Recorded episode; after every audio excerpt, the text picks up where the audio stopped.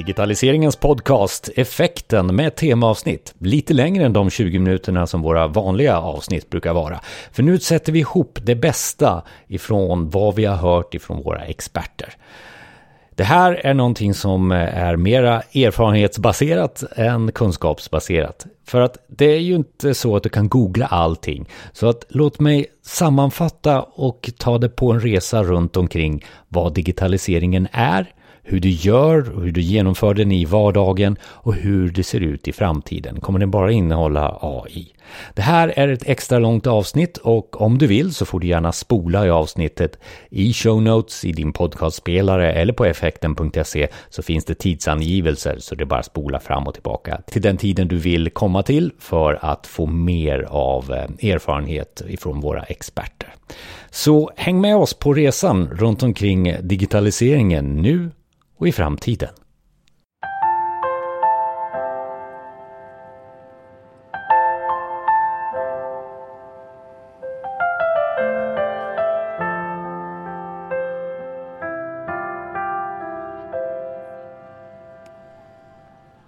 Ja, ett utslitet ord kanske är digitalisering. Vad innebär det egentligen? Och man pratar ju också om digitalt transformerad.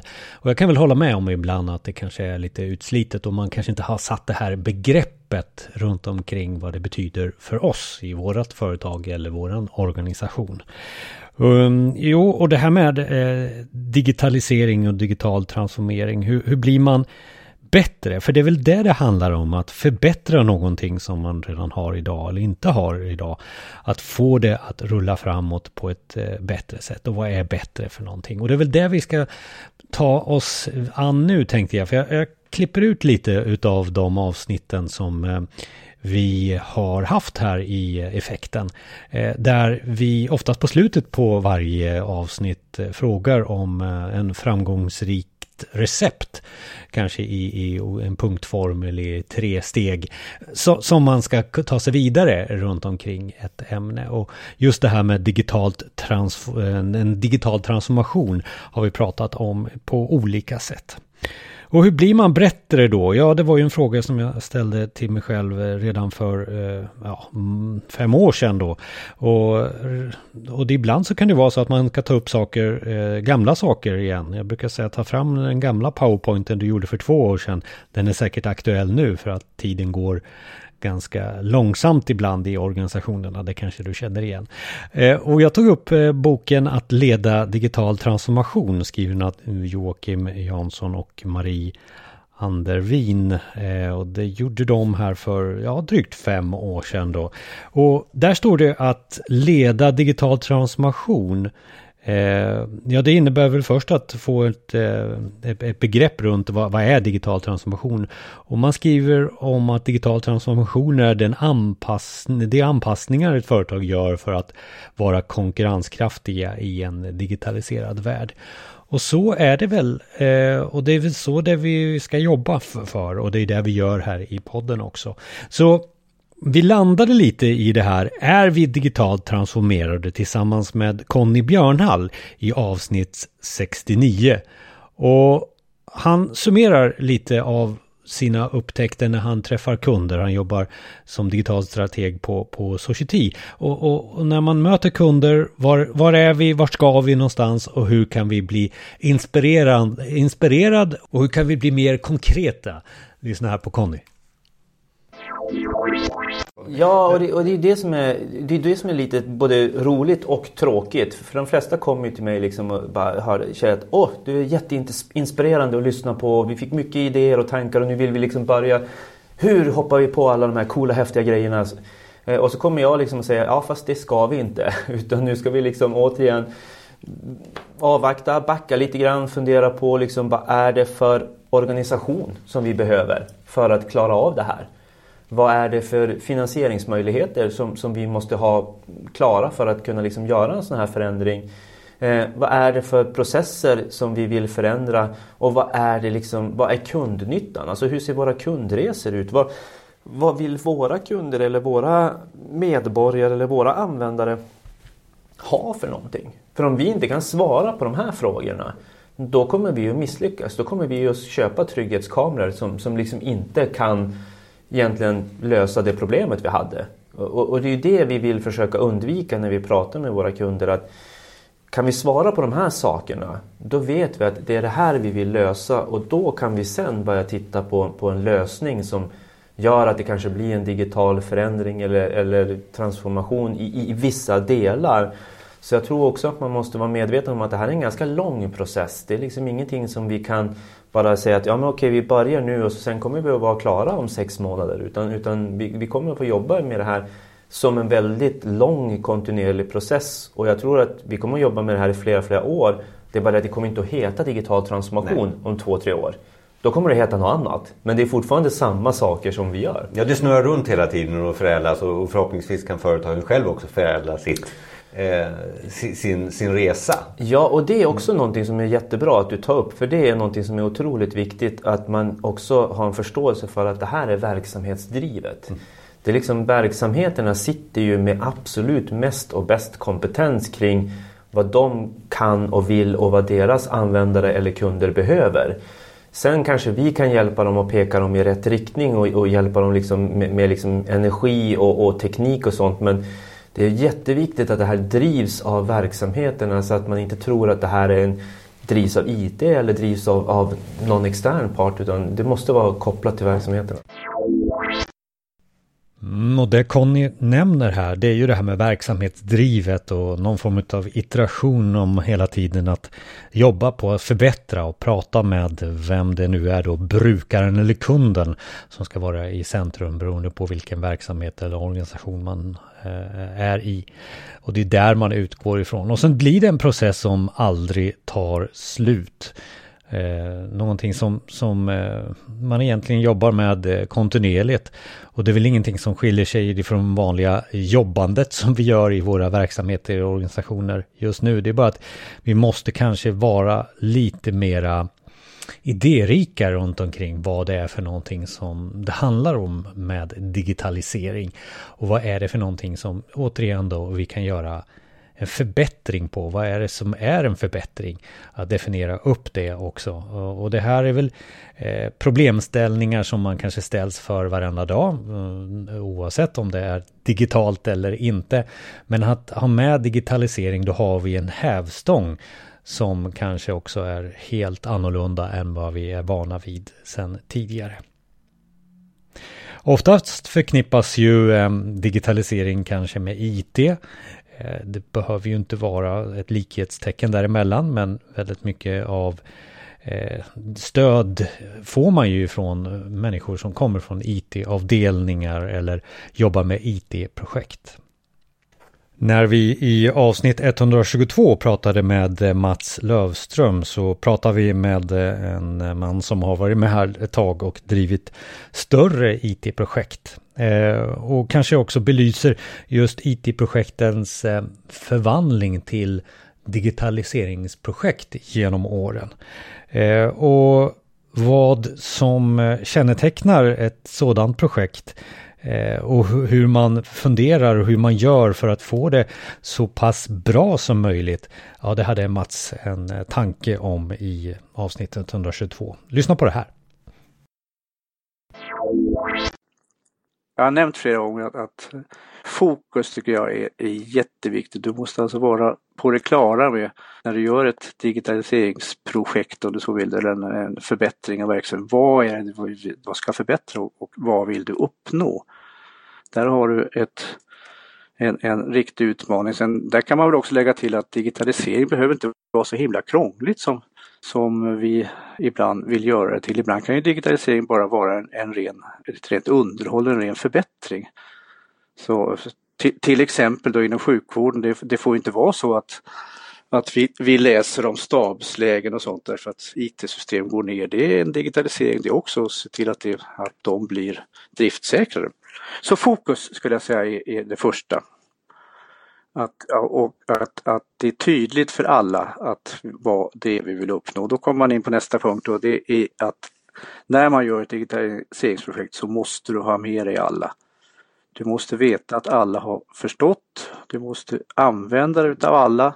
Att all den kunskap som finns i en organisation om verksamheten och om IT blandas på ett, ett bra sätt. Att du, att, du kan, att du kan kommunicera på alla nivåer, inte minst ifrån ledningen då som måste veta vad, på, på vilket sätt som man kan föra ut det här och förstå också vad det är som, som verksamheten håller på med.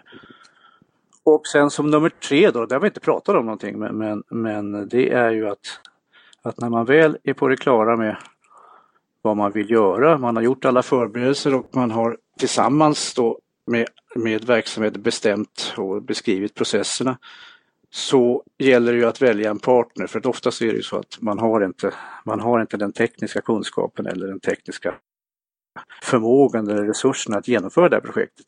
Och den delen skulle jag säga är, den, den är fundamental. Du måste välja en, en partner som, som passar in i den här alla är med tillsammans-kulturen och som också då är, är väldigt eh, driftig och, och kunnig på, på teknik och vet precis vad som ska, ska genomföras och hur. Så de tre grejerna ska jag säga, fokus, alla är med tillsammans, tillsammans kultur och sen att man väljer med omsorg rätt partner. Mats Lövström där, 122 var avsnittet i podden Effekten Utveckling av IT till digitalisering. Och det är väl så att vara fokuserad och jobba med de människorna som kan få dig att eh, få den hävstången som du behöver i ditt företag, din organisation. Ja, det kan vara en del utav det. Ledningen ska vara med har vi ju pratat, med också, pratat om också. Det blir väl helt uppenbart för mig i eh, det samtalet jag hade med Anders Källström i avsnitt 114 där det kändes som att eh, när vi pratade om Industri 4.0 så kändes det verkligen som att vi var dåliga i Sverige. Dåliga i Sverige på digitalisering. Jag fick den känslan i alla fall. Eh, då det handlar om att hänga med. Och just nu så känns det som att Asien och USA är snabbare. Snabbare på pucken, till exempel AI. Snabbare på pucken på att hela tiden accelerera en bra idé. Kanske innovation eh, som man har i sin organisation. Så hållbar digitalisering för framtiden, det var det vi pratade om i avsnittet. Och här har vi Anders med eh, den korta listan på hur vi ska lyckas. Och den ena punkten är det här med bildning. Man måste förstå, ha en uppfattning om vad kommer digitaliseringen att göra med våra företag och vad kommer det att göra med samhället. Eh, vi håller på att skapa någonting helt nytt och då räcker det inte att bara förstå en sensor eller ett dataprogram utan det är mycket, mycket större än så. Och det andra är, börja med lågt hängande frukter.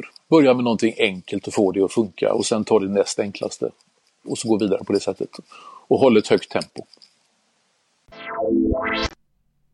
Anders får det att låta enkelt att lösa alla problem när det gäller digital transformation och så kanske det är. Eh, tankesmedjan Sustainability Circle tillhör Anders Källström och vi har faktiskt två avsnitt med Anders. Ett 114 och sen eftersnacket också till eh, 114 där vi pratar till exempel hur vi ska anamma eh, AI i Sverige och komma lite före igen då.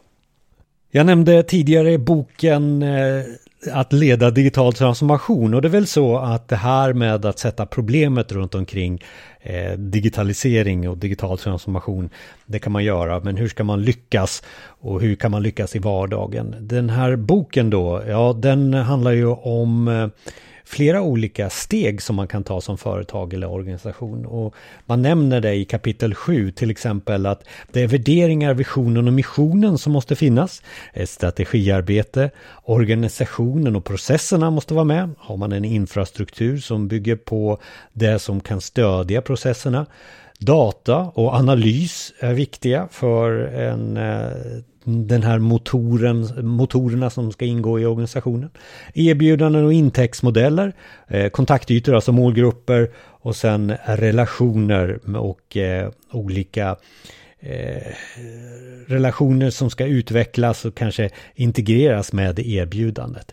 Mer om hur du leder alltså den digitala transformationen finns i den här boken skriven av Joakim Jansson och Marie Andervin.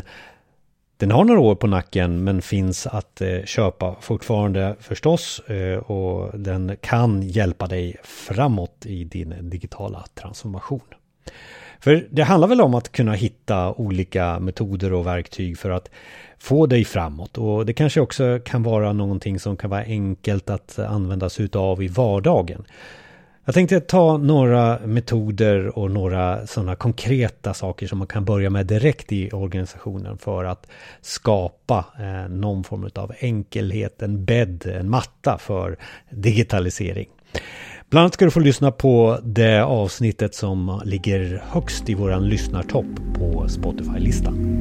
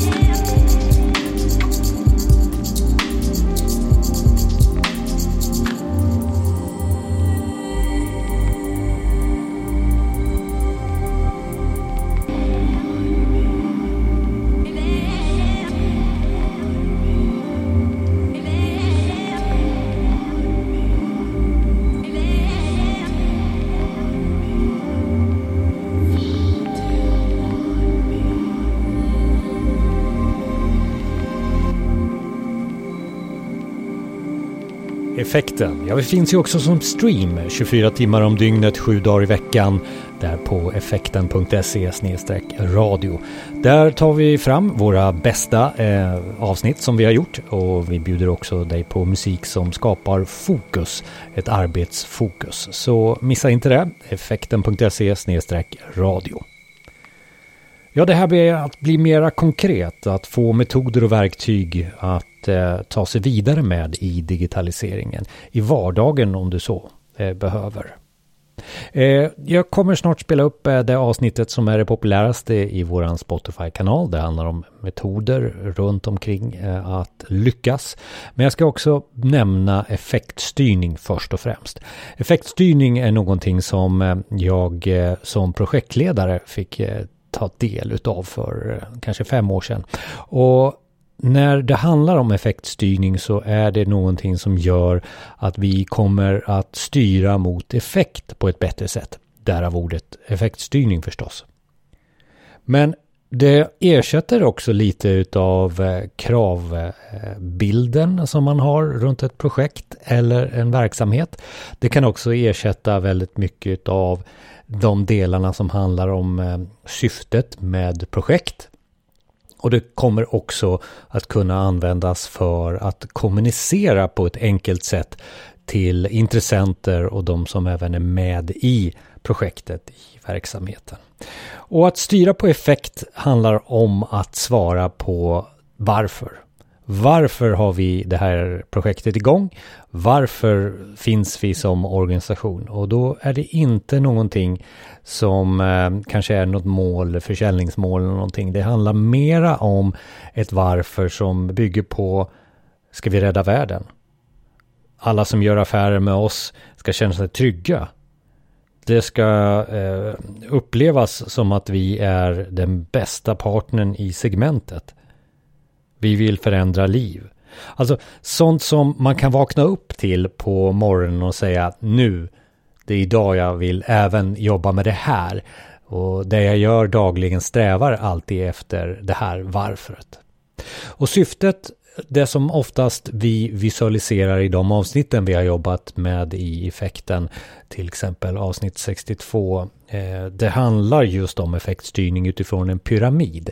Så se framför dig nu en pyramid där jag har satt toppen klart för er. Alltså syftet, det som vi hela tiden ska sträva efter. Högst upp ska vi alltid sträva efter alltid, allting vi gör. För att nästa steg i den här pyramiden under eh, vårat eh, varför, där kommer målgrupperna. Ett vem. Vem är det som är intresserad utav att sträva efter det här varfret? Vilka är med oss i organisationen? Vilka medarbetare har vi? Vilka målgrupper har vi inom medarbetarkategorin? Vilka kunder har vi som hela tiden ser det här framför sig, sitt varför? Det här varfret som ni alla har skrivit under på. Oftast är det så att de här målgrupperna har ett mål. Det kan ju vara så att en målgrupp är just eh, försäljare eller säljare och de eh, har ju ett behov utav att sälja. Att sälja någonting och då är vi nere lite mer på mål. Att ha ett mål, ett säljmål, det är oftast ett vad och då kommer vi till nästa, tredje steget i den här pyramiden. Där vi svarar på målgruppens vad? Vad ska målgruppen göra för att komma till syftet? Och en säljare i det här fallet kan ju ha ett mål att sälja ett antal produkter för den här summan. Det är ju enkelt och det är också här det blir mätbart. Och ett mätbart mål som eh, oftast hjälper den här målgruppen framåt. Det kan också vara så att, att få fram vad det är för någonting som den här målgruppen ska göra. Kan man också säga, vad är det målgruppen har ont vad har den ont just nu? Det är också någonting. Och om man vänder och vrider på det, ja då kommer man oftast till ett mål som stöttar det här. Eh, och i avsnitt 32, 62 förlåt, så pratar vi om busschaufförer som en målgrupp. För att de har målet att köra säkert. Så att det finns olika definitioner och att för, försöka definiera det här på ett bra sätt gör att vi hela tiden kan svara på vad, vem och varför. Och när vi har gjort det, ja då har vi en bra projekt, en organisation som strävar efter ett mål som eh, är tillräckligt bra mot målgruppen och det strävar ofta också efter ett syfte som kan vara till och med att rädda världen och då blir det mål och mening för många i målgruppen. Sen är det det enkla längst ner i den här pyramiden, det sista huret, genomförandet. Oftast i digitaliseringsprojekt kanske man börjar här tyvärr. Man ska, skaffar ett verktyg för det är det som ska göra hela den här pyramiden. Men oftast kanske inte dit man ska allra först, utan man ska svara på det här varför, vem och vad. Så effektstyrnings eh, avsnitt 62 rekommenderar jag att du lyssnar på lite mer då. Eh, och vi avslutar hela avsnittet, jag och Micke, med att prata om hur lyckas man med effektstyrning och effektpyramiden? Eh, det finns väl ett par saker som är riktigt viktiga. Det ena är det som jag sa tidigare här då, att, att börja ganska eh, fort i processen eller mm.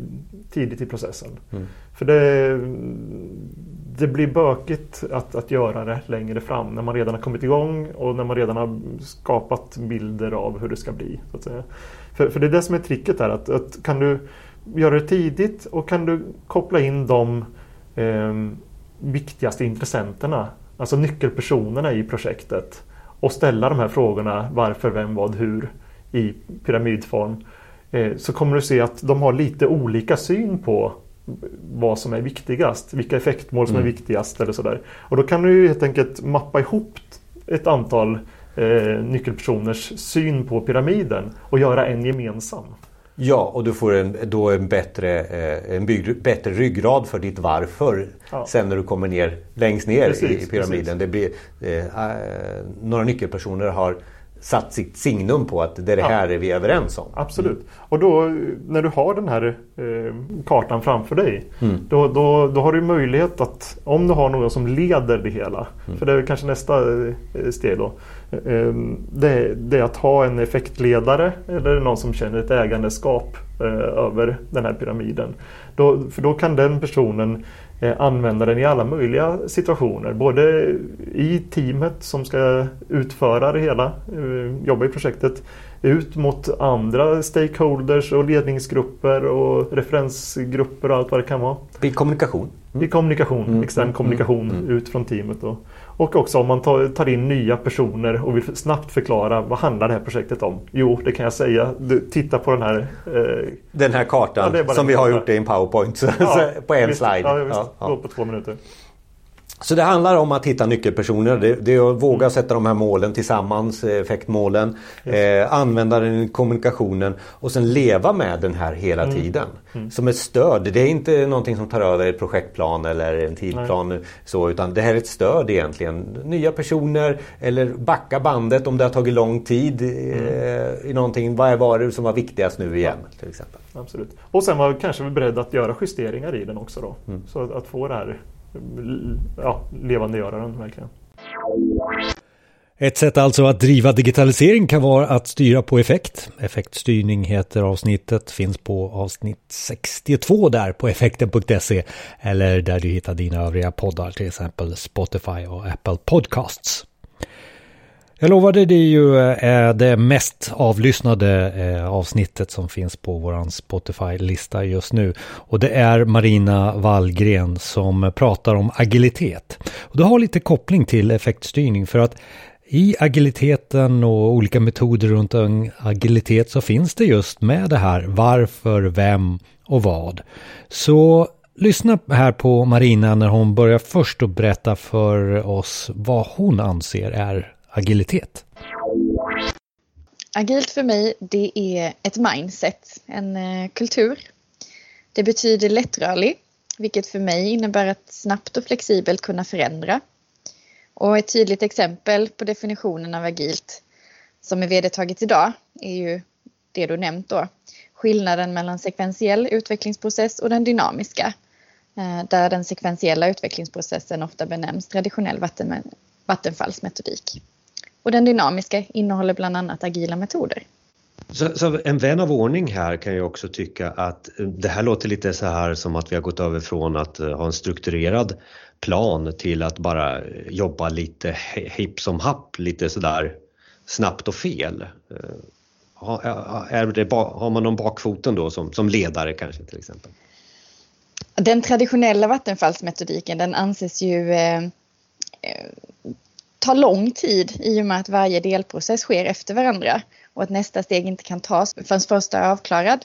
Och, och där då till exempel planering, design, utveckling, testning, deployment sker sekventiellt där alla delar tas med eh, i tydlig ordning. Och då som du nämnde, det dynamiska utveckling, den är iterativ och inkrementell. Eh, det betyder inte att den är eh, snabb och osäker eller snabb och, och hafsig utan det innebär att den itererar, loopar de här planering, design, utveckling, testning och deployment flera gånger. Och där det då varje gång skapas ett produktinkrement som kan demonstreras. Och mellan varje iteration så ges ju återkoppling och feedback från kund och intressenter för att bana väg för nästa iteration kan man använda en, en agil, nu nämnde jag utvecklingsprojekt, kanske mjukvaruutveckling eller så, kan man använda agila metoder på all typ, alla typer av projekt? Agila metoder och, och, och agilt arbetssätt, det, det, det finns eh, områden där det passar sig bättre och så finns det områden där det passar sig sämre såklart. Och så ibland så behöver man kanske till och med ta in en, en, en blandning. Eh, och detta är ju situationsbaserat. Så vissa utvecklingsprojekt, till exempel mjukvaru och systemutveckling, där passar sig agila metoder väldigt bra. Eh, men det skulle kanske även kunna passa sig inom inbyggda system beroende på vad det är för situation, organisation och produkt. Sen finns det ju även då verksamhetsimplementeringar eller andra arbetssättsimplementeringar där det kanske hade passat sig bra med agila metoder. Men återigen så är det situationsbaserat. Eh, för, för mig handlar det ju då också om att kanske det mindsetet som du börjar prata om. Eh, är alla med på det här mindsetet i en organisation? Jag tänker till exempel på ledningen. Ja, framgångsfaktorer i en agil transformation det är ju att ha ett eh, dels ett anpassat ledarskap för just transformation och sen då få med ledningen och management. Walk the talk all the way. Och att försöka undvika beroenden mellan olika team om möjligt. Samt att använda sig av förändringsambassadörer för att på så sätt få en förändring som håller även på lång sikt. Så självklart är det jätteviktigt att få med ledningen vid en agil transformation. Och, och du, vi har ju pratat om, vi pratar om digital eh, transformation. Vi pratar väldigt mycket transformationer tycker jag nu mera. Eh, inte bara i IT-världen utan i, i företagsvärlden. Är, är, är agil transformation ett, ett recept på eh, den förändringen som sker nu i företagskultur skulle du vilja säga? Det är ju väldigt populärt och har blivit än mer populärt under de senaste tio åren. Jag vet när jag först eh, fick höra om det så, så var det ja, då ansågs det väl lite mer vara en supportfunktion. Men agilt idag, det har ju blivit ett strategiskt beslut för att kunna fortsätta vara framgångsrik i en snabbrörlig marknad med högre krav på bland annat fler frekventa produktversioner. Ja, vi har ju koncentrerat oss lite på, du, du, du nämnde ju framgångsfaktorer. Har du några mer sådär som du kan skjuta in här som, som, som du säger, det här är framgången runt agila projekt? Ja, det har ju visat sig att agilt Eh, är särskilt framgångsrikt inom just så som jag nämnt mjukvaru och systemutveckling. Eh, och det var ju även därigenom det uppkom. Och den är ju framgångsrik på grund av att den är adaptiv eh, till förändrande arbets, eh, affärsbehov och till förändrande krav.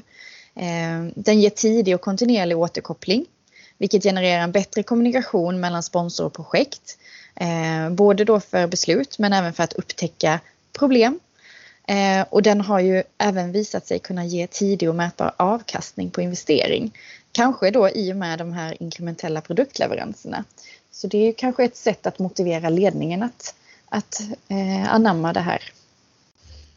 Eh, och, och, och, för att eh, när man pratar om agila projekt, det, det är någon form av rubrik också för kanske någonting som är synonymt med ibland metoder bara så vi reder ut det också. Eh, kan vi nämna några metoder här så, så man är med på att det inte bara eh, det finns recept menar jag, det är Scrum och vad finns det mer för någonting man kan hänga upp sig på i den här agiliteten? Precis, vanligtvis så nämns ju Scrum och Kanban som, som eh, de vanliga då, eh, som du kallade recepten inom agila arbetssättet. det finns även fler, det finns ett uppskalat som kallas SAFE och det finns ju eh, mer inriktat eh, tekniskt DevOps det finns eh, eh, Extreme Programming. Så att det, det finns eh, en stor verktygslåda om man skulle vilja. Men, men, men som jag uppfattar det, det, är, det, det, är, det är mindsetet först och främst vi ska liksom anamma och prata om agil transformation och sen så går vi på det här med metod och, och hur vi ska jobba. Eh, är det så jag förstår ditt sätt att se på framgång då som vi pratat om? Ja, jag har ju ett, ett talesätt som jag bär med mig och det är A fool with a tool is still a fool. Det gäller ju inte bara att hitta eh, rätt verktyg utan du måste ju kunna använda det på rätt sätt och förstå varför du använder det och förstå hur du ska använda det. Och så även här och än mer viktigt här på grund av att det är så stor skillnad då mot det här traditionella sekventiella där man i början lägger tyngden och vikten på att få uträttat alla frågetecken, sätta alla kraven, sätta alla kostnader och sätta hela planen i detalj. Medan det då i det agila, där vill man ha det här samarbetet kontinuerligt med kund och sponsor eh, och ta fram delar av produkten utifrån det man vet idag. Men även ha det mindsetet att kunna ändra detta under vägens gång på grund av vad som sker på marknaden. På grund av vad är säljbart när vi väl närmar oss produktens eller implementeringens eh, slut, projektets slut. Vad är värde då? Och jag uppfattar också att den iteration som sker i agiliteten handlar också om kanske inte bara pengar och KPI eh, utifrån, alltså pengar då, utan även i att ta hem nyttoeffekter och, och, och vända och vrida på eh, hela tiden värdera om, är det här nytta för användaren, nytta för företaget och så? Är det någonting du kan bekräfta i, i agiliteten? Ja, precis. Precis, den är ju väldigt nytto och värdefokuserad eh, gentemot då som sagt den här traditionella som kanske är mer fokuserad på att sätta eh, kostnader och tid eh, och krav eh, från start. Så har det agila med sig det här väldigt tungt att det är en väldigt nytto och värdefokuserad eh, fokuserat arbetssätt. Eh, när du har jobbat i projekt, eh, eh, hur, hur, kan man, kan du, utan att nämna kanske kund då, men hur har du tacklat ett sånt här agil transformation? Vad, vad har varit, dels hur, hur du har tänkt, men vad har varit det som har varit olika hinder eller möjligheter initialt och, och under resans gång? Skulle du vilja säga det från top of mind? Så? Jag försöker att vara konsekvent och tydlig. Eh, för kommunikation är en viktig framgångsfaktor. Eh, och där det agila arbetssättet ofta förespråkar just transparens också. Sen behöver man veta att man behöver informera, dels ha samma grundinformation men sen hitta motivatorerna, de olika motivatorerna för de olika leden. Ledningsgruppen kanske kräver mer monetära motivation, eh, motivatorer medan arbetsgruppen behöver veta också what's in it for me. Så att man hittar dem försöker få ut det här budskapet på ett tydligt och klart sätt men att även ha samma grund för samtliga. Ja, för, för du är inne lite på det här eh, eftersom du har erfarenhet av Alltså vad skulle du säga är det, jag har pratat om recept här, men att, eh, om man skulle då säga i punktform eller receptform på hur man lyckas med agila projekt från ditt håll då? Det handlar ju om att, att eh, motivera teamen, informera, eh, se till att ha alla med. Eh, vi pratade om det, att ha ledningen med. Eh, tittar man på Scrum till exempel, då är produktägarrollen en jätteviktig roll just för det här som vi pratade om också, att, att det är så värde och nyttofokuserat. Och då är det produktägarens roll att faktiskt se till det och prioritera vad är generera högst värde just nu eh, i affären och i, i, eh, till slutanvändaren. Ja, det, det, är svårt att säga steg för steg så, för det är väldigt olika eh, implementeringar, olika projekt på en generell bas. Se till att få med ledningen. Se till att eh, ha ett anpassat ledarskap för just den situationen du befinner dig i. Det är väldigt viktigt. Och du bekräftar egentligen från, hel, från start här att du, du, vi pratar om ett mindset, vi pratar om en transformation, men vi pratar också om kommunikation och acceptans för att göra fel, för att jobba på ett nytt sätt.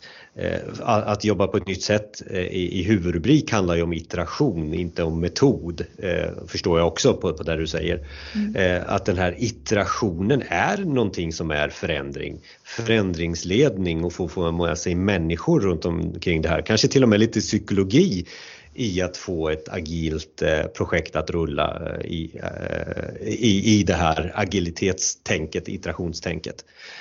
Det är det jag summerar lite av vad, vad, du, vad du har som erfarenhet runt omkring det här. Ja, precis. Och sen även då ett, en, en viktig skillnad och ett viktigt, eh, viktigt att ta med sig är ju just det här också i gruppen. Eh, arbetsgruppen. Gen, skillnader gentemot det traditionella eh, där man kanske har ett mer tydligt direktiv, man vet hur man ska jobba, vem som gör vad. Eh, I det agila så försöker man hitta de här självorganiserande teamen. Man försöker trycka ner ansvaret till där eh, värdet faktiskt skapas. Och det är ju ett, det är ju ett jättesteg. Så där måste man ju vara med och försöka få in det här, återigen, det här mindsetet kring hur gör vi detta? Hur formar vi gruppen på det här sättet? Hur får vi, hittar vi motivatorerna till att faktiskt vilja samarbeta på det här sättet och få ut och generera värde.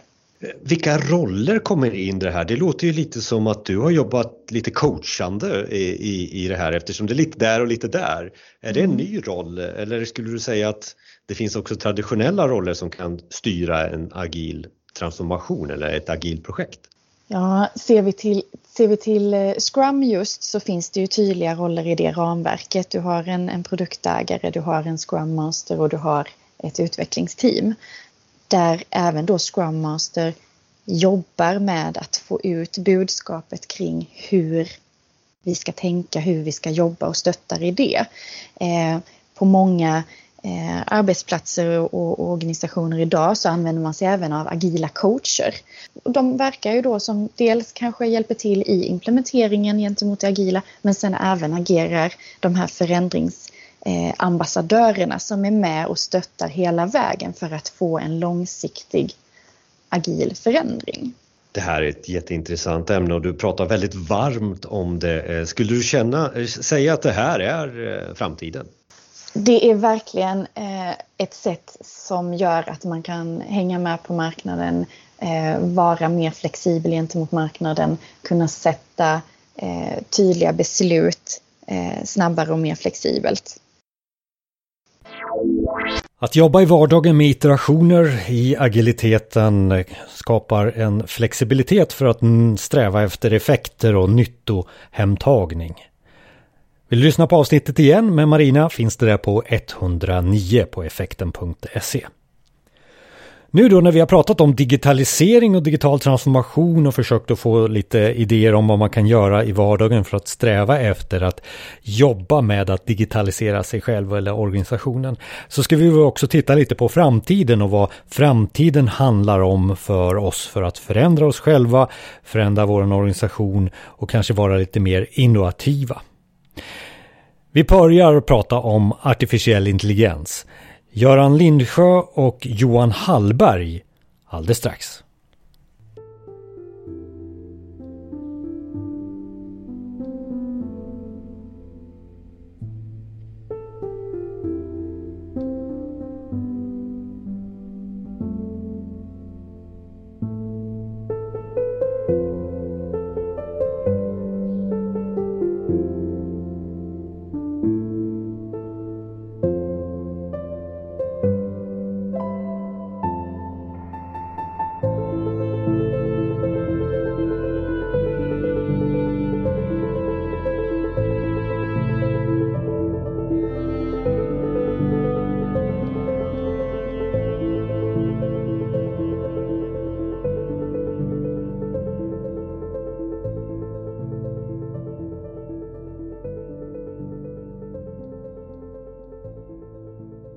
Artificiell intelligens, AI, är ju med oss i framtiden. Kombinera det med dataanalys, machine learning och innovation och du får någonting som kanske förändrar dig, din organisation och dina projekt.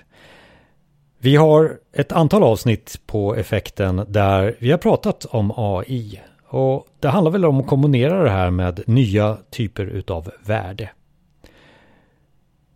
Göran Lindsjö och även Johan Hallberg har vi pratat med i två olika avsnitt. Och just Johan som jobbar på Capgemini med just eh, de här frågorna eh, pratar om AI First. Och det var väl för något år sedan när vi satt där i Stockholm och tittade över slottet och, och även riksdagen.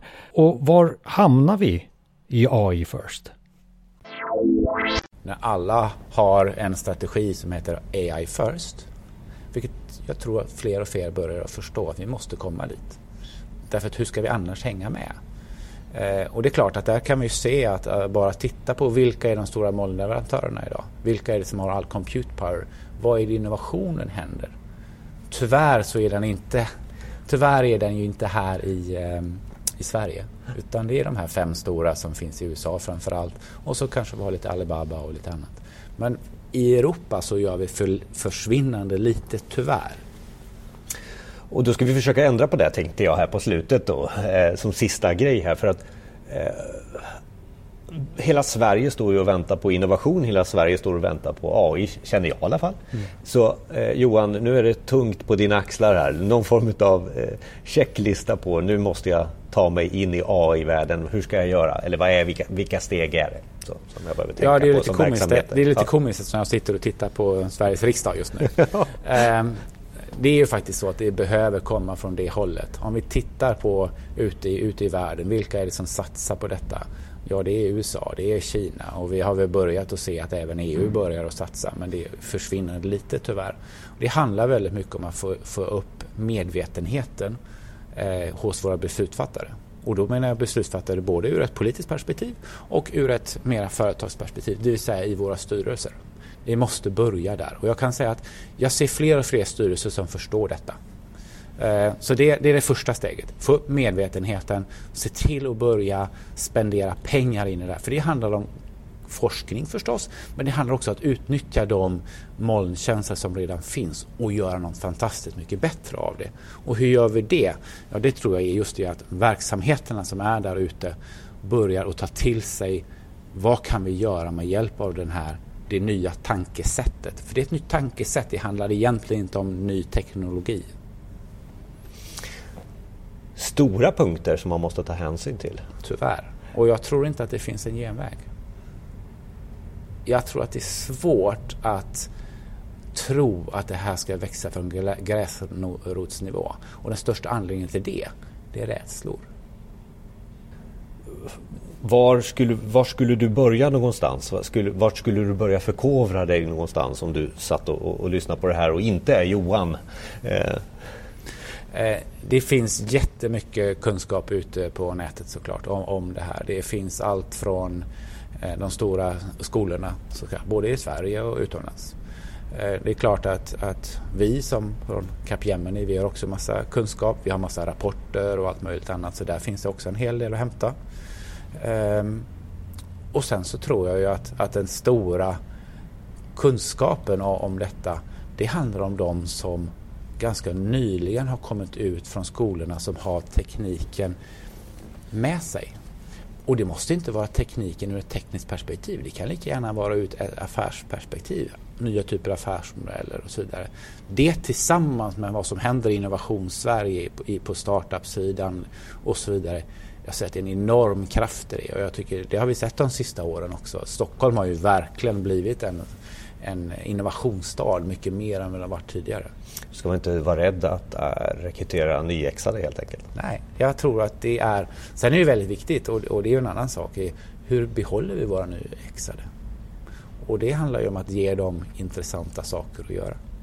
Meningsfulla. Och det är också en sak som om vi jämför eh, när vi var 25 så tror jag idag är man mycket mer medveten. Man vill göra men, meningsfulla saker. Man vill göra saker som är, gör gott på ett annat sätt än vad vi kanske var eh, när vi var 25. Det är inte bara att tjäna pengar utan det är att förändra ja. världen och förändra ja. miljön. Eh, ja, lite. och miljön är ju så aktuellt hela tiden så att mm. jag skulle säga att det och, och, det är klart att kan vi då se till att våra fräscha som kommer från skolorna som kanske har har eller inte har varit i olika typer av konstellationer. Eh, att ge dem ännu mer råg i ryggen.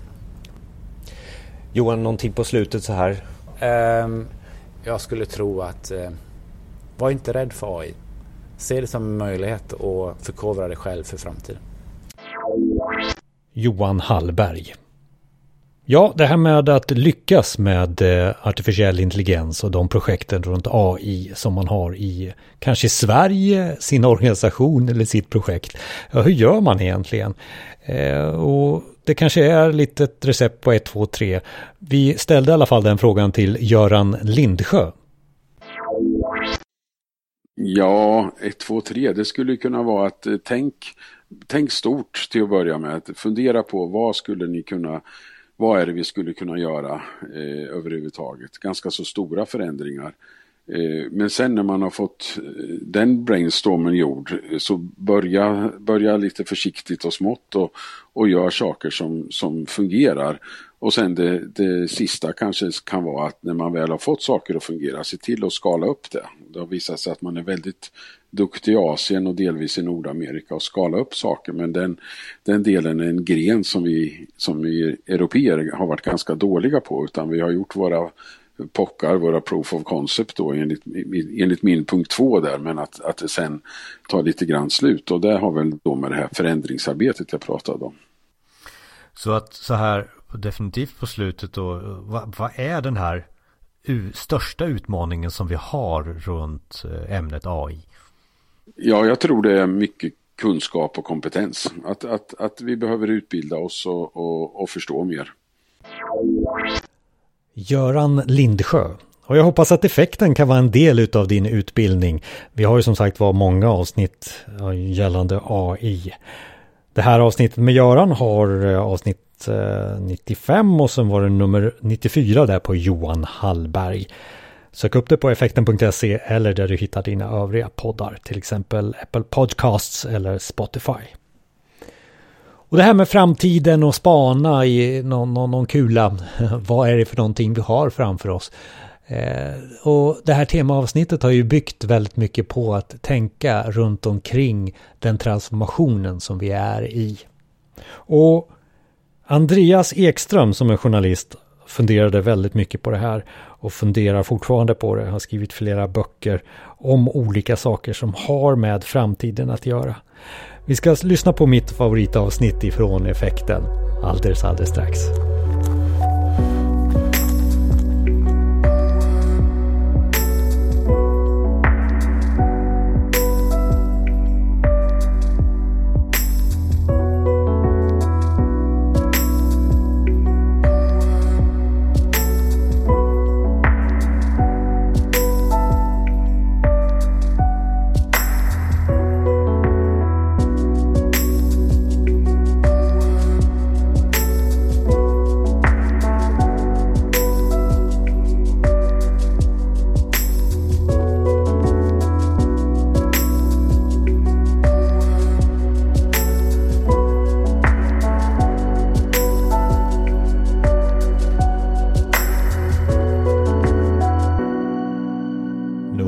Sedan jag pratade med Andreas Ekström, journalist och i det här sammanhanget framtidsspanare för digitaliseringen.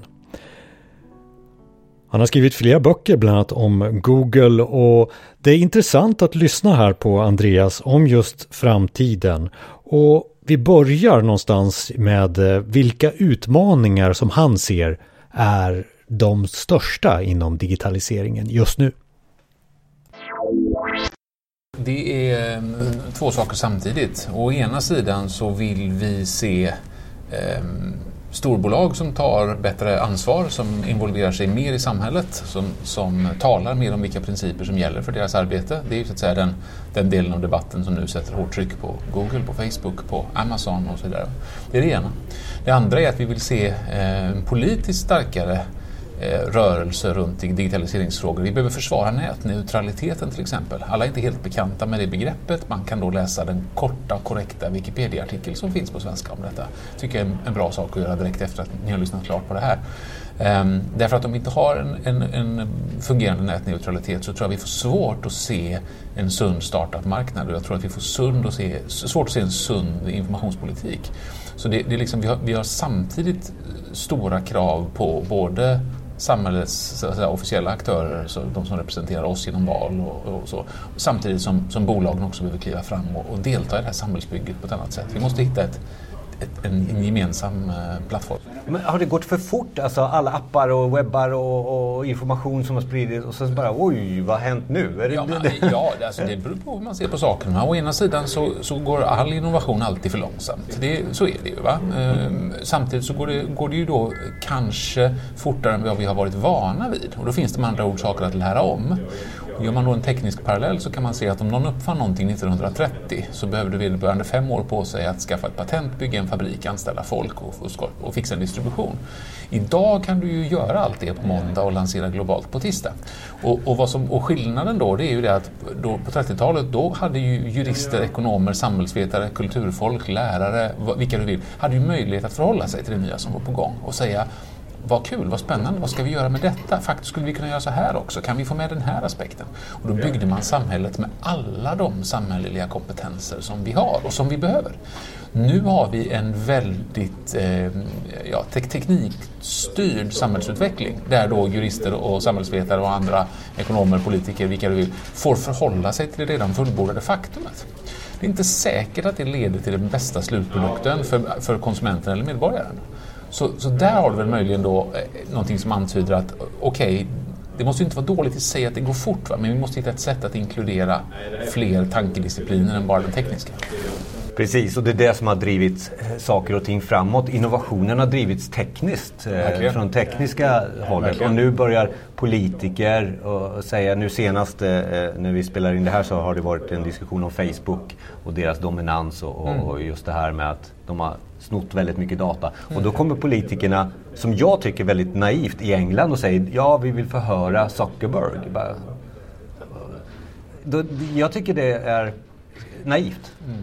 Ja, det är ju. Eh, eh. Menar, och det, det, bygger ju på en, den, men de har ju lyckats så bra, de här största digitalkonsumentföretagen, med att porträttera sig själva som Ja, egentligen värdeneutrala. Det är ju framförallt det stora. Det, ju, det var ju Google först egentligen med att säga att vårt sökresultat är ja, men närmast som någon sorts naturvetenskaplig sanning.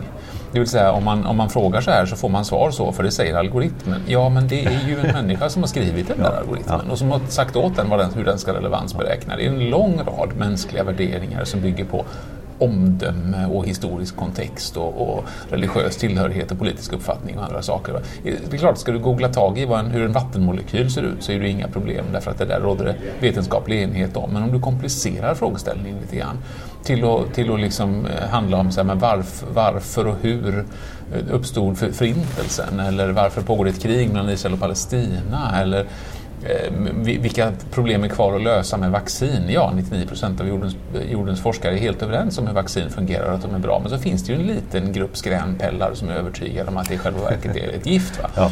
Och de är så aktiva på nätet så att de, de då eh, kommer högt upp och då kan man säga, har Google ett ansvar för det? Så här, ja, i någon mening har de ju det. Mm. Därför att jag menar, de förväxlar ju begreppen relevans och popularitet här. Å andra sidan så kan man ju inte be dem att de ska sitta och vetenskapligt granska allt som finns på internet. Det blir också omöjligt. Men nu, nu lyssnar jag så här och så säger det pratas väldigt mycket AI här nu också senast. Det kommer ju bli ännu värre då. Jag såg någon, någonting till exempel eh, bildigenkänning och, och bildigenkänning på mat och, och matrecept och vem som lagar mat. Och de flesta bilderna är kvinnor i. Mm. Och då helt plötsligt, ja AI säger ja kvinnor och mat. Mm. Likhetstecken. Ja, visst. Jo, jo, nej, men du får ingen samhälls... Eh, du får ingen, ingen normbildning får du inte hjälp av, av AI. Det behövs människor fortfarande. Va? I den mån det är önskvärt att normbilda kring, kring den och andra frågor. Eh, jag tror så här att, att nästan all teknisk diskussion bygger på storslagna idéer om vad vi möjligen skulle kunna göra om 10, 15, 20 år. Och det är jättebra därför att då kan man ha ett visionsarbete och då kan man ha någonting att sikta mot och så kan man tänka, gör vi så här blir samhället häftigare, bättre, coolare, snabbare. Alla de sakerna kan vi göra. Men samtidigt så är det ibland så himla uppenbart att så händer någonting i teknikutvecklingen som gör att hela det där visionsarbetet måste skruvas på. Och det går att ta många exempel. Eh, vad sägs om fildelningsdebatten? Säg 15 år sedan, 10 år sedan, så sa man att ja, men vi måste ladda ner mp3-filer till våra enheter så att vi kan lyssna på musik. Och då var det några som försökte säga, ja men om vi inte laddar ner då, utan vi har det på en central server och så, och så, så skickar vi ut det lite i taget och så kan man flagga hur många gånger det spelas. Och så kan man då betala i proportion till det och då får upphovsmannen en, en peng precis som vi har tänkt från början. Och, så där. och då tar vi tillvara allas intressen och så får vi en bra... Ja men det går ju inte när du är ute på stan för då har du inte, så, då har du inte bredband nog för det. Nej, för vi har inte fantasi nog att tro att ett mobilt bredband kunde vara så brett. Så det, det stoppar hela diskussionen i flera mm. år. Och det är inte ens tio år sedan som vi inte hade den fantasin. Sen kommer Spotify och lite bättre mobilt bredband och sen är det här en icke-fråga. Så ursprungsfrågan var så här, utmaningen digitalisering. Utmaningen är att ta med sig in det här övriga. Alltså, ja, ja precis. Politiker. Som ja. Du, ja, det är det som är utmaningen. Det är en jättestor utmaning. Och det, tittar du då, man lyfter blicken lite utanför Sverige. Vi är ju i en superprivilegierad position i Sverige. Mm. Man måste ha klart för sig att vi är sådär 7,5 miljard människor på planeten varav kanske 3,5 miljard aldrig har varit online fortfarande. Mm. Och alla bedömare säger ju liksom att ja, men vi kommer ju ha 90 plus connectivity ungefär 2030. Mm. Så på 12-15 år från och med nu då, mm. så kommer då ytterligare 3-3,5 miljard internetanvändare att tillkomma. Mm. Och de kommer huvudsakligen befinna sig i Afrika och Asien. Vad betyder det för internets utveckling? Det är fruktansvärt viktigt att vi gör det på ett nätneutralt sätt för att startups och, och därmed de nationernas ekonomier ska ha en chans. Det är otroligt viktigt att vi hittar någon typ av gemensam mark att kliva på när det gäller vad som då ska vara tillåtet i yttrandefrihetssammanhang och vilket socialt sätt vi beter oss mot varandra. Det är en enorm utmaning på alla, på alla samhälleliga nivåer men det enda demokratiskt möjliga är att se till att det här, att det här görs, att det här fungerar. Och det, det är i Asien och Afrika det kommer att hända. Nu har vi pratat om att måla upp lite de gråa. Eh, om vi tar de här ljusare molnen då inom mm. digitalisering. Exempel på där digitaliseringen verkligen har gjort nytta och mm. framsteg. Ja, och det, då, då, behöver man inte, då behöver man inte tänka så, så stort. Därför att vad som händer är ju det att vi internaliserar alla de här sakerna. Jag menar, jag vore ju galen om inte jag hade mitt bank-id tillgängligt för alla möjliga eh, saker. Alltså, det, det, går att ha synpunkter på det på, på, olika sätt. Men jag är så fullständigt van vid det där lilla mm. fingeravtrycket för att kunna signa in hos Försäkringskassan eller hos banken. Alltså, ska problematisera som sagt gärna det också. Men alla de där små sakerna som helt enkelt gör min vardag lite bättre och lite enklare, de är ju helt underbara. Mm. Den där appen där jag, som jag beställer en, en taxibil eller kollar lokaltrafiken, så de funkar ju alltid nu för tiden. Sånt som var buggigt och visade fel, så, men det gör ju inte det längre. Vi har ju helt enkelt kommit mycket längre i användarvänlighet på ett sätt som gör att varje människas vardag har blivit mycket, mycket smidigare. Det är det absolut största. Och, och, där vill man ju också bygga vidare. Alltså, nu, återigen, vi är på webbdagarna. Där har man pratat väldigt mycket om användaren i centrum mm. och bygg därifrån. Och det är där innovationen startar. Så det är kanske där som är de bra exemplen eh, kommer ja. i snöbollseffekten. Ja, jag hoppas det. Va? Och så, men sen så har man ju också det här problemet då med det här med att, användaren, att man sätter användaren främst. Då ser man ju också att eh, om du tar ett företag som Apple som, som ju tog sin position på två saker egentligen. På att göra saker oemotståndligt vackra mm. och på att få dem att intuitivt fungera. Och det är egentligen mest det. Och sen också att ta så mycket betalt så vi glömde vad det var vi köpte. Vi kände att vi köpte något annat än en sladd. Vi köper någon typ av livsstilsmarkör närmast. Va? Eh, detta gjorde de så oerhört bra, men, men hela den företagskulturen bygger ju på att nu ska vi byta ut, nu ska vi, göra, nu ska vi ta ett innovationssteg, nu ska vi förbättra. Och då gör det plötsligt så att, att jag köper en ny telefon och kan inte sätta i mina 2500 kronors hörlurar som jag har köpt från Sennheiser utan någon jävla adapter. Det gör mig tokig. Ja. Därför då, då, är de, då är de så att säga, tycker de, så långt framme att nej, nej, nu ska det bara vara trådlöst. Vi ska ha de här airpodsen istället. Ja, men det går ju inte att prata i telefon med människor som har airpods. Alla hör kejsaren är naken, det låter ju skit. Alltså, det, det är lite sådana grejer som kan göra mig tokig. Och du hittar heller inga superutvecklare på Apple som är särskilt intresserade av att sitta och underhålla en så gammal produkt som iTunes. Vilket gör att iTunes har förändrats på 12 år till att vara fullständigt banbrytande, lysande till ett nödvändigt ont. Mm. Och det har ju bara att göra med, det är ju en företagskulturfråga, du hittar helt enkelt inte den typen av kamrermässiga programmerare som vill lägga in, alltså de, de allra, allra bästa hjärnan, de vill bygga något som inte finns än. Och det, det, är ett problem därför vi har ganska mycket infrastruktur att underhålla. Vi behöver helt enkelt ha digitala vaktmästare på ett annat sätt som, som känner att men det här finns vissa grundvärden vi måste slå vakt om, vi ska göra det bättre och sådär. Men, men vi kan inte bara hålla på och, och byta för bytandets skull. Du menar att det kan vara svårt att rekrytera till en myndighet? Ja, en det blir jättesvårt. Ja. Det blir jättesvårt mm. Men även då för de här stora eh, konsumentföretagen så blir det svårt att bevara sin egen infrastruktur och sina egna grundprodukter. Därför man är så upptagen med att upptäcka och uppfinna nästa grej. Mm. För några år sedan så skrev du en bok om Google. Eh, och Google i det här sammanhanget leder ju väldigt mycket utav digitaliseringen eftersom de äger våra frågor. Mm. De har våra svar. Mm. I och med det här som kommer med att man börjar ifrågasätta, vad, vad gör Google här nu? Ja, vad gör Google i den här situationen? Um, Google är det företag, det enskilda företag i USA som lägger mest pengar på lobbning i Washington DC. Detta är ju offentliga siffror i USA, måste redovisas där, så det vet vi. Ja. Um, och det gör de ju till stor del också i förebyggande syfte därför att de inser att den typen av datainsamling som de sysslar med förr eller senare riskerar att bli kontroversiellt och då riskerar man olika typer av reglering eller specialskatter eller vad det kan vara. Sånt som man helt enkelt vill, vill undvika. Men nu är ju inte ett Google ett företag som så lätt låter sig till exempel styckas om man skulle vara orolig för det. Alltså man, sån här Microsoft-lösning, man plockar isär saker på 90-talet mot, mot hiskeliga viten. Därför att om Google har 250 olika tjänster i sin bukett så är det ju bara ett tiotal som faktiskt drar in pengar. De andra drar in data. Mm. Om, du, om du drar isär det och säger att du inte kan ha data som matar in till de lönsamma tjänsterna, då blir de inte riktigt lönsamma på samma sätt längre. Så du, du måste nästan ha ett Google som, det är klart att du skulle kunna lyfta ut YouTube, det, det är klart att du kan göra, det är en, en, en miljard dollar industri i sig självt, det går. Men men i princip så är det ändå så att alltså, kartorna genererar inga pengar för sig själva. Men datamängderna där skapar kunskap som går att monetarisera.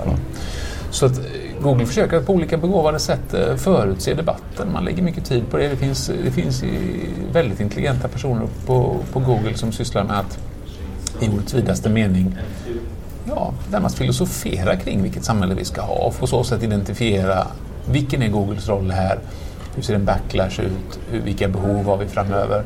Men samtidigt så de har ju stora problem nu. Jag menar, alltså webben växer med en sån hastighet så att de, eh, de klarar inte riktigt de här ska säga, ideella åtagandena som de lite grann har sagt. att vi ska skanna all världens böcker till exempel. Så de finns som en digital allmänning för alla. Så, ja, men det här projektet det ser inte ut att bli klart. Det händer ingenting. De kom snabbt upp till 20-30 miljoner titlar men de vet ju att det finns 150 miljoner unika boktitlar i världen. De har inte löst rättighetsfrågorna, de har inte löst eh, tekniken tillräckligt bra, skanningen håller inte tillräckligt bra nivå och det är framförallt inte en chans att det här kan bli lönsamt någon gång ens snart. Va? Då verkar det bara få, få falla undan. Och då är, har vi en massa tunga institutioner, universitetsbibliotek och så, som ju har valt att inte bygga sådana här lösningar själva. Att inte gå ihop och säga vi är världens tio största universitetsbibliotek, vi ska bygga och göra detta som en digital allmänning. Man säger vad bra, det gör ju Google. Ja, fast det gjorde de visst inte riktigt. Nej, för de har inget sånt plikt, ingen sån plikt. De sa att de skulle göra det och vi trodde att de alltid var snälla. Nej, de prioriterade visst något annat, så där sitter vi. Och det skulle vi kunna lära oss ett annat av. Ja. Är det några mer så här exempel i, i digitalisering som du ser från ditt håll här? För jag känner, jag känner att när vi pratar här så du ligger ett eller två steg före här. Det, det ska jag ju försöka ja. Eh, alltid och, ja. och göra. Va? Alltså vart kan vi vara på väg och, och, och sådär. Ja. Um, det är viktigt att komma ihåg att jag, att jag sannolikt väl har fel i 65 procent av allt jag säger, för det har man. Um, det handlar egentligen mer om att försöka ha en uppfattning om den generella riktningen och sen måste man acceptera att man alltid behöver korrigera kursen lite grann. Eh, och, och, det ska man inte vara rädd för. Men, men, man ska nog ta ut en generell riktning och säga inte bara tror vi att utvecklas åt det här hållet utan vi vill det. Man tar ett, ett, ett socialt ansvar, ett samhälleligt ansvar om man är med och, och, bygger och påverkar eller diskuterar detta. Och då, och då spelar det ju roll hur man tänker. Så vad, vad är lyckan här? Lycka, lyckan och lyckan. Vad är checklistan framåt här i digitaliseringen? Eh. Det, det demokratiserade internet. Det, det, det är helt centralt centralt. Eh, det tycker jag att man alltid ska få med. Jag tycker, och det, det, är klart att det, det, spelar oerhört stor roll då om man tänker sig att arbeta globalt. Alltså man tittar på lite grann vad, vad kommer Asien och Afrika behöva. Det, det kan man göra av demokratiska skäl, men man kan baske med göra det av affärsskäl också. Därför att där finns tillväxten. Det kommer att göra. Och allt kommer naturligtvis att ske i mobilen. Det är ingen som kommer att gräva ner kablar över, över två kontinenter överallt. Va? Det är naturligtvis inte. Så det gäller, det gäller liksom att helt ha det, det fokuset. Så det är ju det, är ju det ena då, som jag tror att, att man måste, måste tänka mycket på. Sen är det andra man tittar på hur massmedierna utvecklats. Jag är själv journalist eh, och, och egentligen jobbar jag på Sydsvenskan om dagarna men numera så, så sysslar jag med egen utbildningsverksamhet och sådär huvudsakligen och då tycker jag att jag får frågor som hela tiden drar åt, eh, ja, vad ska vi säga, en sorts, eh, en sorts eh, högre rättvismärkt kaffefaktor. Det vill säga att man vill med sina digitala konsumentbeslut vara med och fatta lite bättre, för samhället lite bättre beslut.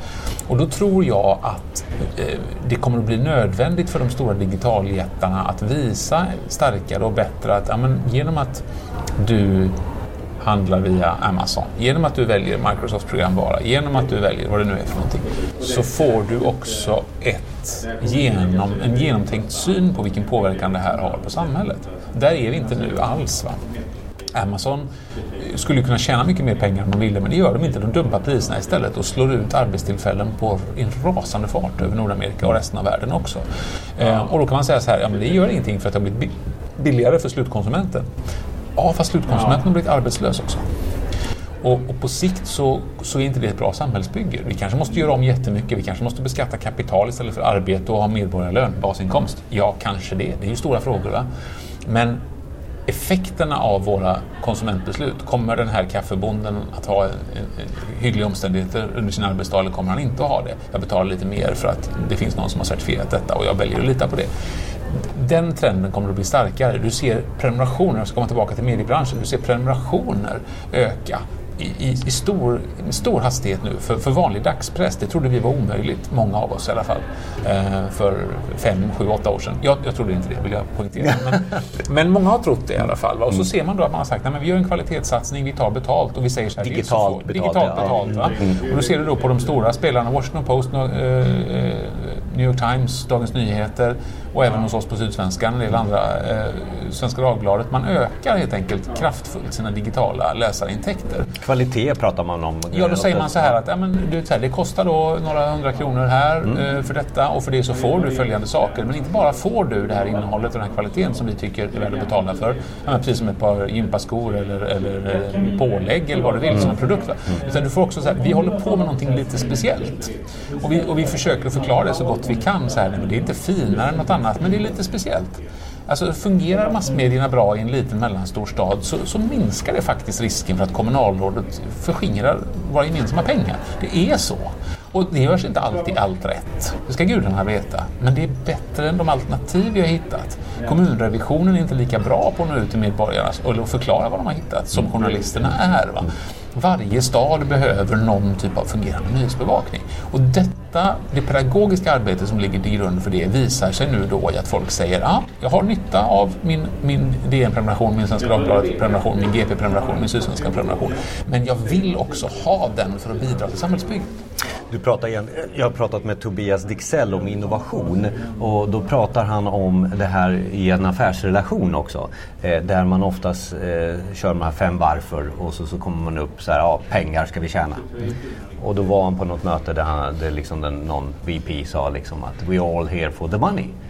Nej, det är vi inte längre. Utan det är den här den, the higher goal lite mm. där du är ute efter. Och jag, men, och jag tror att ska man bygga det som en hållbar affär på längre sikt så måste du alltid lyckas kombinera det. Du måste, ja. få, du måste få en tillräckligt hög känsla av nytta för att konsumenten ska säga jo men jag vill ha den här tidningen därför den är tillräckligt kul och bra och jag har tillräckligt mycket nytta av den. Dessutom får jag bonusvärdet att den gör de här andra sakerna. Eh, jag tror det blir oerhört svårt att, att bygga en hållbar affärsmodell på att detta är, detta är i största allmänhet bra. Du, I och för sig så ser du, du ser ju rekordhöga siffror på, på välgörenhet i Sverige. Människor ger bort mer pengar än vad vi någonsin har gjort historiskt samtidigt som vi har ett av världens eh, högsta skattetryck. Eh, det betyder ju att det inte är någon snålhet. Folk är inte rädda för att dela med sig så att ja, men vi litar på Röda Korset och vi blir, vi blir fruktansvärt upprörda av det vi får veta, nota bene genom journalistiken, om mm. vad som händer i Syrien och på andra ställen. Mm. Och då sätter vi igång med våra systematiska, vårt systematiska månadsgivande och sådär. Ja, men jag tyckte det var en revolution när den borgerliga regeringen införde en viss avdragsrätt för gåvor. Och den togs ju bort sen av den nuvarande regeringen. Ehm, men det är en sån avgörande syn på hur man vill att samhället ska se ut. Antingen så beskattar vi och fördelar, eller så skattar vi mindre och gör detta till en frivillig sak, men vi skapar ett incitament för det. Det är två diametralt olika samhällssyner som kommer till Vi är tillbaka på utmaningen här och digitaliseringen. Ja, verkligen, verkligen. Eh, så här Andreas, vi har haft en rafflande diskussion om digitalisering och dess utmaning. Så här på slutet här, är det någonting så, som du har också så här i rockärmen? Och... Ja, alltså, det, här, så det kokar ju huvudet på en hela tiden när man tänker på de här sakerna, vilket gör att det är så roligt. Va? Det är ju så. Men, men om jag tittar på, på på var vi befinner oss 2018 så skulle jag säga så här. Från en så det mest positiva jag ser just i samhällsutvecklingen så skulle jag säga att vi rör oss nu från en period när människor har känt en, en trötthet eller till och med en hopplöshet eller en handfallenhet. Vad ska jag göra? Jag kan inte påverka detta. Jag vet att det inte är så bra att Facebook vet allt om mig men det är så smidigt och vad ska jag göra annars och orka liksom så. Så tycker jag att jag börjar helt enkelt uppleva att folkbildande arbetet ger effekt. Fler människor bryr sig, fler människor kan saker. Överhuvudtaget så kan folk mer än någonsin tidigare om digitaliseringsfrågor. Gemene man, vem som helst, du och jag och alla andra, även om sånt som inte är våra specifika eh, saker. Jag tittar liksom på med den självklarhet som mina föräldrar är digitaliserade, 73 och 70 år gamla och, och totalt digitala medborgare utan att men, jag behöver aldrig vara tech-support till mina föräldrar. Va? Eh, det var generationen före tror jag. Eh, så, så det händer mycket där och det, det gläder mig. Precis, vi har gått till, till att verkligen prata om det som är nytta för oss, inte så mycket som eh, slav under tekniken. Just det. Ja. Tack så mycket Andreas Ekström. Vi kommer lägga ut eh, länkar och, och lite bloggning på effekten.se. Tack då till Andreas Ekström som sagt var. Avsnitt 65 om du vill lyssna igen på effekten.se. Och tack för att du lyssnade på det här temaavsnittet där vi har tagit oss från digitalisering till en framtid. Eh, hoppas att tipsen som eh, vi har gett dig i det här avsnittet kan ta dig vidare, eh, skapa värde, skapa förbättring för ditt projekt, din organisation och verksamhet. Sätt gärna betyg på den här podden, det skulle betyda oerhört mycket för oss. För då vet vi att eh, det här avsnittet kan locka till mera lyssnare. Eller så är det något annat ämne som lockar dig. Via Apple Podcasts så kan du sätta betyg på podden. Och effekten finns på effekten.se och där du hittar dina övriga poddar. Eh, kanske Spotify om du så vill. Där har vi flera också spellistor eh, runt omkring olika ämnen. Till exempel just nu så är det ju väldigt populärt med modern arbetsplats. Och vad ska vi ta upp i podden? Ja, det får du gärna tipsa oss om. Eh, info effekten.se eh, Mejladressen då, info effekten.se Vi tar emot eh, alla tips. Eh, har du en kompis som ska vara med? Ska du vara med? Eller känner du någon som du vill att vi ska intervjua om digitaliseringens olika ämnen här i podden? Hör av dig, info effekten.se och jag som är Jonas Jani tackar så mycket för mig idag och så, så hörs vi nästa gång.